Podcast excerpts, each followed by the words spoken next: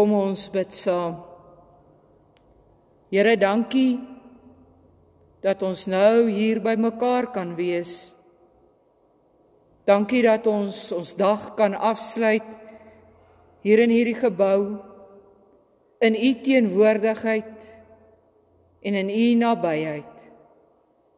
Here ons loof en ons prys u vir hierdie genade oomblikke waar ons kan stil word waar ons ons hartklop in pas kan kry met u hartklop waar ons saam kan lees uit die woord saam daaroor kan nadink en saam met u kan reis.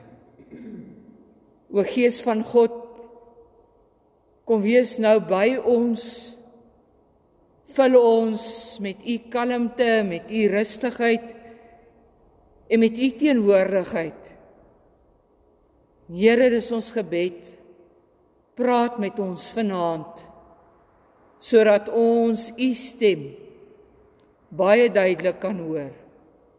Ons vra dit in Jesus se naam alleen. Amen. Ek het gister met u gepraat oor stil word en die belang van stil word. Ek wil vandag met u praat oor die belang van om na die woord van die Here te luister. Die leksio, die woord van die Here. En ek wil u vanaand help om op 'n vars nuwe manier na die woord van die Here te luister. En ek wil dit dalk so verduidelik as u dalk nou van tevore gehoor het dat ek dit gesê het, jammer, maar is dalk goed om dit vir 'n tweede keer te hoor. Daar is niks fout daarmee om Bybelstudie te doen nie. Dit moet ons doen. Ons moet die woord van die Here ken. Ons moet verstaan wat in die woord van die Here is, want baie keer help ons kennis van die Bybel ons in moeilike tye om die regte besluite te neem of om ons te troos. So dit is goed om die Bybel te ken. Dis ook goed om die Bybel te bestudeer binne sy konteks, binne sy verband en te verstaan wat die Here vir ons wil sê. En ek dink ons as gereformeerdes is baie goed daarmee om 'n greep op die Bybel te kry. Ons is goeie studente van die Bybel. Maar daar's ook 'n tweede kant aan Bybelstudie waarmee ons nie goed is nie. En dit is om toe te laat dat die teks 'n greep op my lewe kry. Met ander woorde, dat die teks my verander.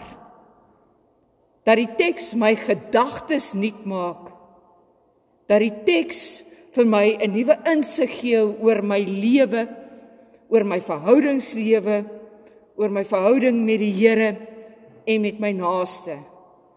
So baie van ons leef dink ek baie keer in die dissonansie van om aan die een kant te weet wat die Here van my vra om te doen, maar aan die ander kant sukkel ons om te doen wat die Here van my vra.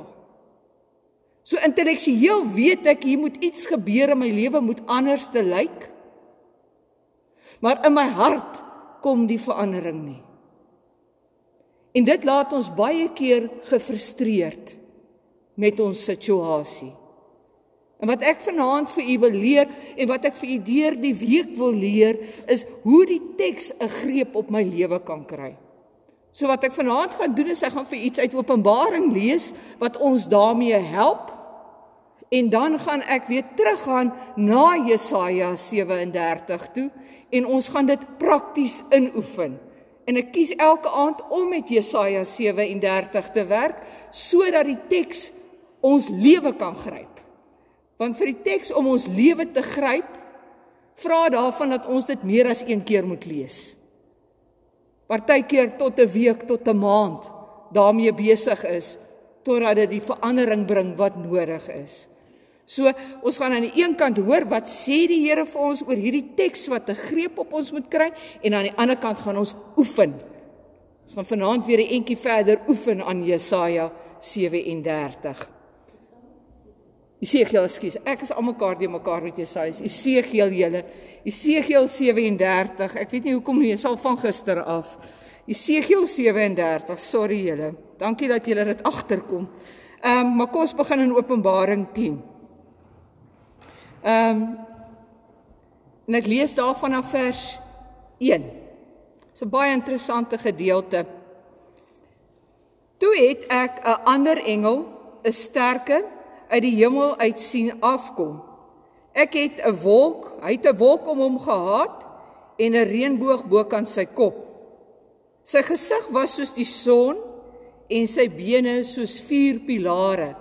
Dis al 'n angswekkende beeld as 'n mens net na die beskrywing kyk. In sy een hand het hy 'n oop boekie gehad. Hy het toe met sy regtervoet op die see en sy linkervoet op die land gaan staan en met 'n harde stem uitgeroep soos 'n leeu wat brul. Toe hy uitroep, het sewe donderslae geantwoord. En toe die sewe donderslae praat, wou ek dit opskrywe. Maar ek het 'n stem uit die hemel hoor sê: Hou geheim wat die sewe donderslae gesê het. Moet dit nie opskrywe nie.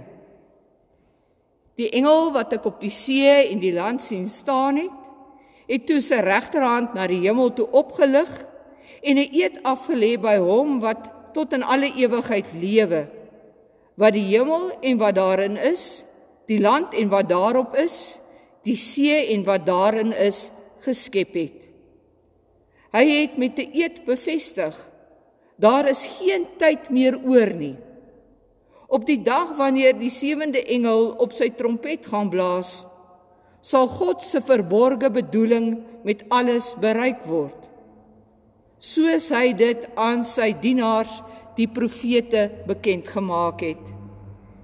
Die stem wat ek uit die hemel gehoor het, het toe weer met my gepraat en vir my gesê: "Gaan kry die oop boek daar in die hand van die engel wat op die see en die land staan." Ek het na die engel toe gegaan en vir hom gevra om die boekie vir my te gee. Hy sê toe vir my: "Neem dit en eet dit op. Dit sal jou maag bitter maak, maar in jou mond sal dit so soet soos heuning wees."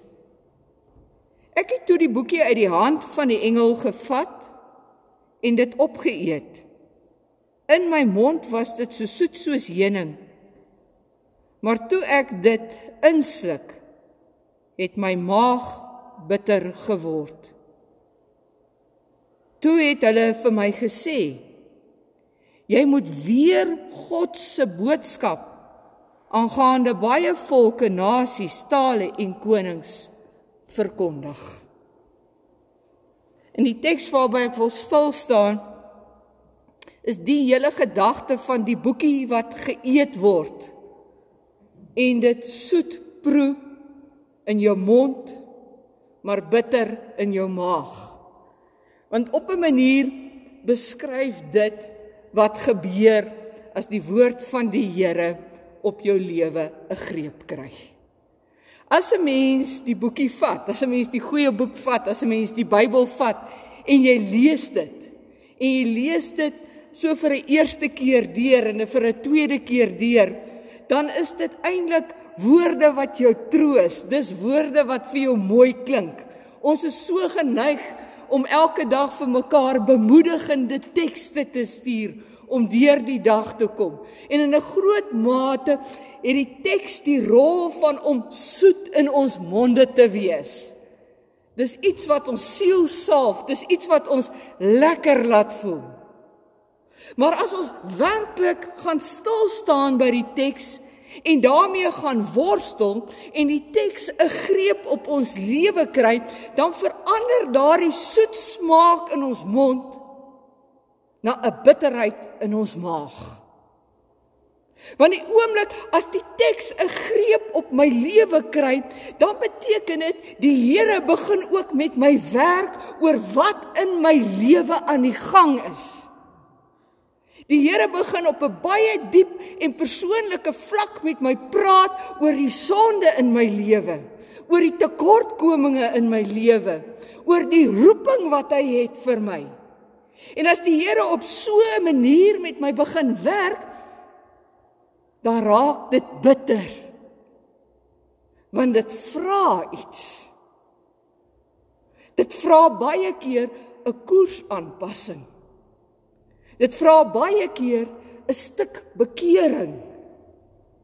Dit vra baie keer dat ek uit my gemaksone moet beweeg en iets gaan doen waarvan ek nie hou nie of waarmee ek nie gemaklik is nie. En dan raak die teks bitter. En ek het die vermoede dat baie van ons van die soet smaak van die teks hou. Maar ons hou nie van die bitterheid van die teks nie. Want ons hou nie daarvan om uit ons gemaksones gelig te word nie. Ons hou nie daarvan om te hoor dat ons gedrag moet verander nie. Ons hou nie daarvan om te hoor dat die Here vir ons 'n taak en 'n roeping en werk het nie. En omdat ons nie kan sien vir die bitter smaak van die teks nie, bly ons geloofslewe en ons verhouding met God baie oppervlakkig. Want ons speel daar op die veldjie waar ons veilig voel. En omdat ons op daardie veldjie speel waar ons veilig voel, beleef ons geen dieptegang in ons verhouding met God nie. As 'n mens werklik die teks eet, as 'n mens werklik daaroor dink, as die teks werklik 'n greep op jou lewe kry, dan verander jou DNA dan verander die manier hoe jy mens is. Dan gebeur dit wat in Romeine 12 vir ons gesê word, ons gedagtes word vernuwe deur die Gees. En dit laat ons onveilig voel. Want dan neem God beheer oor oor wat ek moet doen en hoe ek moet wees. En ek gee beheer weg dan begin ek sterf. Ek begin sterf aan die ou mens. En die nuwe mens wat die Here wil hê ek moet wees, staan op. En is eintlik ongelooflik hartseer dat ons nie kan sien dat die teks dat die woord van die Here 'n greep op ons lewe kry nie. En omdat ons nie daarvoor kan sien nie, bereik ons verhouding met God geen diepte nie. En voel dit vir ons baie keer of die Here baie ver weg is. En daar's net een manier hoe die teks 'n greep op my lewe kan kry. En dit is om met daai teks te gaan sit te worstel. Om toe te laat dat die Here met my praat deur daardie teks heen. En om telkens prys te gee dit wat die Here van my vra of te gaan doen dit wat die Here van my vra. Daar's nie 'n maklike ompad om hierdie ding nie. En ek wil vanaand vir u uitnooi om saam met my te reis vir 'n tweede, vir 'n derde keer al met Jesegiel 37. Want ek wil graag hê die teks moet vanaand op u lewe 'n greep begin kry. As u nog nie die ervaring het nie, dan sal u teen die einde van die week wel die ervaring hê dat hierdie teks met u werk. Ek het die ek het die vermoede die meeste van u loop al eers rond en dink daaroor oor wat hierdie teks vir my sê. En hoe ek dit vanaand gaan doen is ek gaan die teks deurlees En dan gaan ek vir u vra om 'n prentjie in die gedagtes te kry. Hierdie is 'n baie visuele teks. Met ander woorde, jy kan baie maklik die prentjies vorm. En ek gaan weer 'n keer vir u vra om soos 'n buitestander te staan en kyk na wat hier afspeel. Maar ek gaan dit by tye persoonlik maak. Wat ek vir gaan vra om stil te word rondom daai teks en met die Here oor sekere aspekte te praat. So kom ons lees die teks vanaand weer. Die mag van die Here het my in besit geneem en my deur die gees van die Here uitgebring en neergesit binne in 'n laagte. Die laagte was vol bene. Die Here het my om die bene laat loop en ek het gesien daar is baie bene in die laagte en hulle is baie droog. Toe vra hy vir my: "Mens, kan daar in hierdie bene weer lewe kom?" Ek het geantwoord: "Nee, dit weet U, Here." my God. Hy sê toe vir my: "Tree op as profeet vir hierdie bene en sê vir hulle: Hoor die woord van die Here, droë bene. So sê die Here my God vir hierdie bene: Ek gaan gees in julle laat kom sodat julle kan lewe. Ek sal vir julle seënings en vleis aansit en julle oortrek met vel en dan sal ek gees in julle gee sodat julle kan lewe." dan sal julle besef dat ek die Here is. Ek het toe as profeet opgetree soos ek beveel is. En terwyl ek dit doen, hoor ek 'n gedreun. Die bene het na mekaar toe beweeg, elkeen na die been wat by hom pas. Terwyl ek kyk, kom daar seënings en vleis aan hulle en word daar vel bo oorgetrek. Maar daar was nog nie gees in hulle nie. Toe sê die Here vir my: Praat nou as profeet met die Gees. Tree op as profeet mens. Sê vir die Gees: So sê die Here my God: Kom uit die vier windstreke Gees, blaas in hierdie dooies in dat hulle kan lewe. Ek het as profeet opgetree soos die Here my beveel het. En toe kom die Gees in hulle en hulle lewe en gaan staan regop. Dit was 'n baie groot menigte. Die Here het vir my gesê: "Mens, al hierdie bene stel die hele Israel voor. Hulle sê ons bene is uitgedroog. Ons het geen hoop meer nie. Dit is klaar met ons. Tree op as profeet. Sê vir hulle: So sê die Here my God: Ek sal julle grafte oopmaak en julle laat uitkom, my volk. Ek sal julle terugbring na die land Israel toe. Wanneer ek julle grafte oopmaak en julle laat uitkom my volk, sal julle besef dat ek die Here is. Ek sal my gees in julle laat kom sodat julle kan lewe en ek sal in julle land, ek sal julle in julle land laat woon. Dan sal julle besef dat ek die Here is.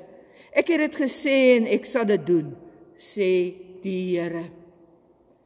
Maak jy oë toe.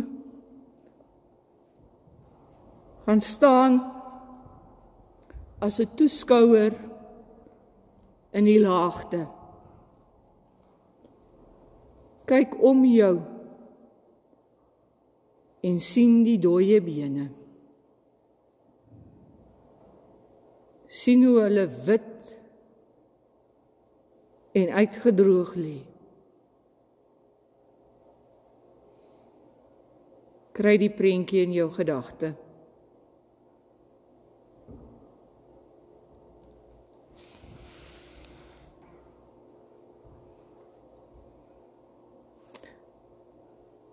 Wat sê die Here vanaand vir jou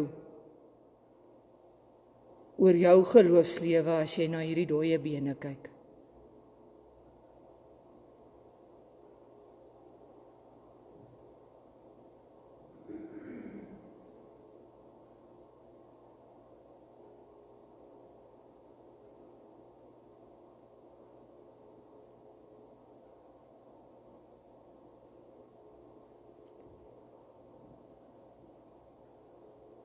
Praat nou met die Here oor dit wat hy vir jou sê. Antwoord hom.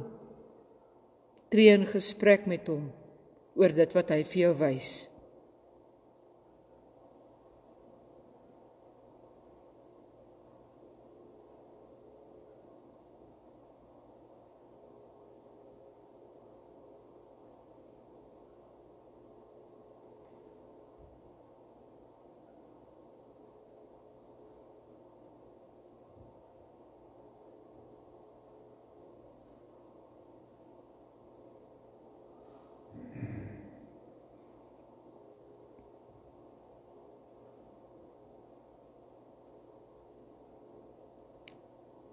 Staan nou weer 'n tree terug. sien hoe die bene bymekaar kom. sien hoe daar seënings en vleis en vel oor hulle kom. sien hoe hulle daar in die laagte lê, volmaakte mense. Kry daardie prentjie nou in jou kop.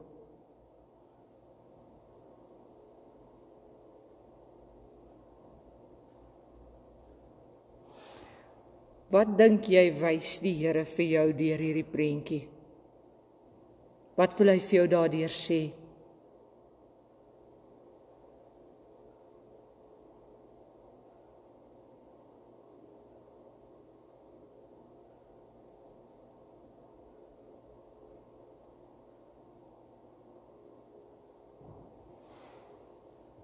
Hoe voel jy daaroor?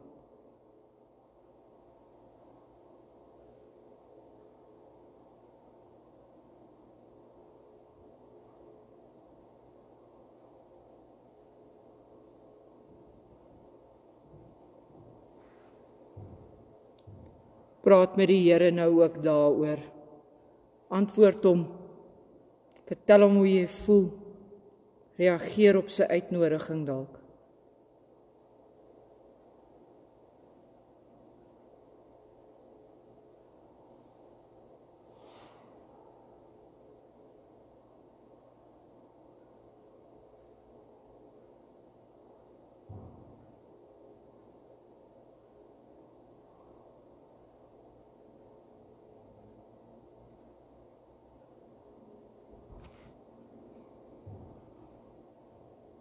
Staan nog 'n tree terug en kyk hoe die gees van die Here in die in die liggame inbeweeg, hoe daar lewe kom.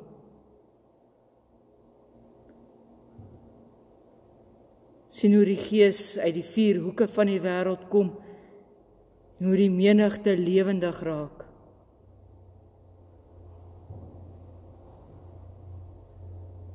Luister nou na wat die Here vir jou wil sê oor jou geloofslewe.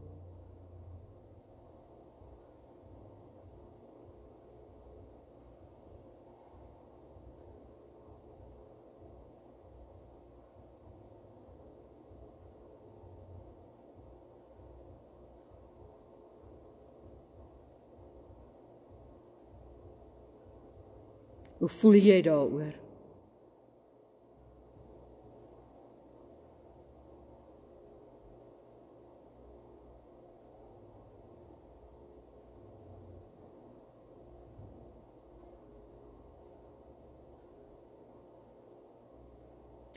Antwoord die Here daarop.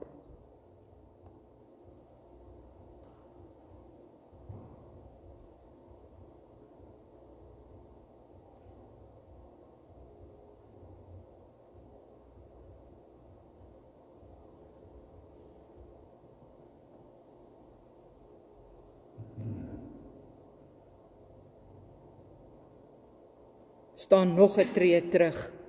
Luister hoe die Here met die profeet praat en hoe hy verduidelik dat hy vir Israel hoop en lewe wil gee.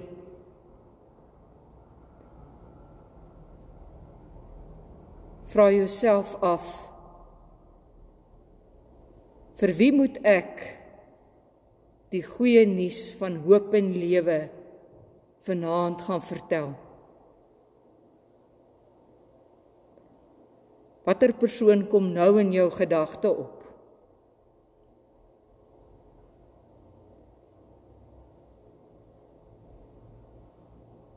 Neem 'n paar oomblikke om vir hom of haar of hulle te bid.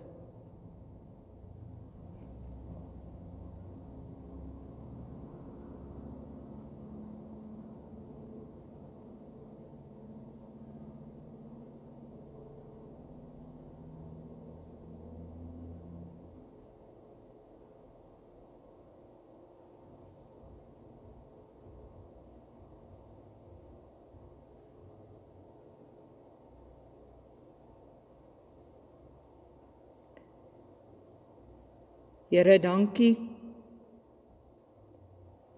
dat U ook Jesegiel 37 gebruik om met ons te praat. Here, dankie dat ons hierdie teksgedeelte kan eet dat dit soet in ons mond kan proe maar bitter in ons maag kan gaan lê. Here help ons om met die soet en die bitterheid saam te leef. Gees van God, kom vul ons nou. Kom maak ons lewendig. Kom maak ons nuut. Kom gee ons die energie en die moed om gehoorsaam die Here te dien.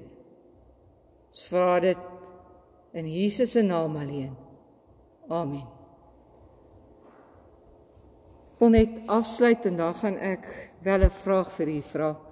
Ehm um, dis om in die teks in te gaan. Dis om te gaan dink oor wat hierdie teks vir my sê. Dis om om stil te word met 'n teks. En daar's altyd 'n paar bewegings. Die een is wat wat doen dit met my? En dan die volgende beweging, wat doen dit met my naaste? En wat doen dit met die wêreld daar buite? En die heeltyd, Here, hoe wil U hê moet ek hierdie ding hanteer? En op so 'n manier neem die teks beslag op 'n mens se lewe. Dwing die Here jou weer tot stilstand. So dis 'n interessante manier Ek sal wil aanraai in die oggend doen jou Bybelstudie en jou studie, maar in die aand vir jouselfde tekste gaan lees hom op hierdie manier. Dat hy ook 'n greep op jou lewe kry. Of draai dit dalk om, eers so en dan bestudeer jy hom. Jy sal wel agterkom wat jou ritme is. Maar dis hoe ons luister na die teks en dis wat ek vanaand met u wou gedeel het.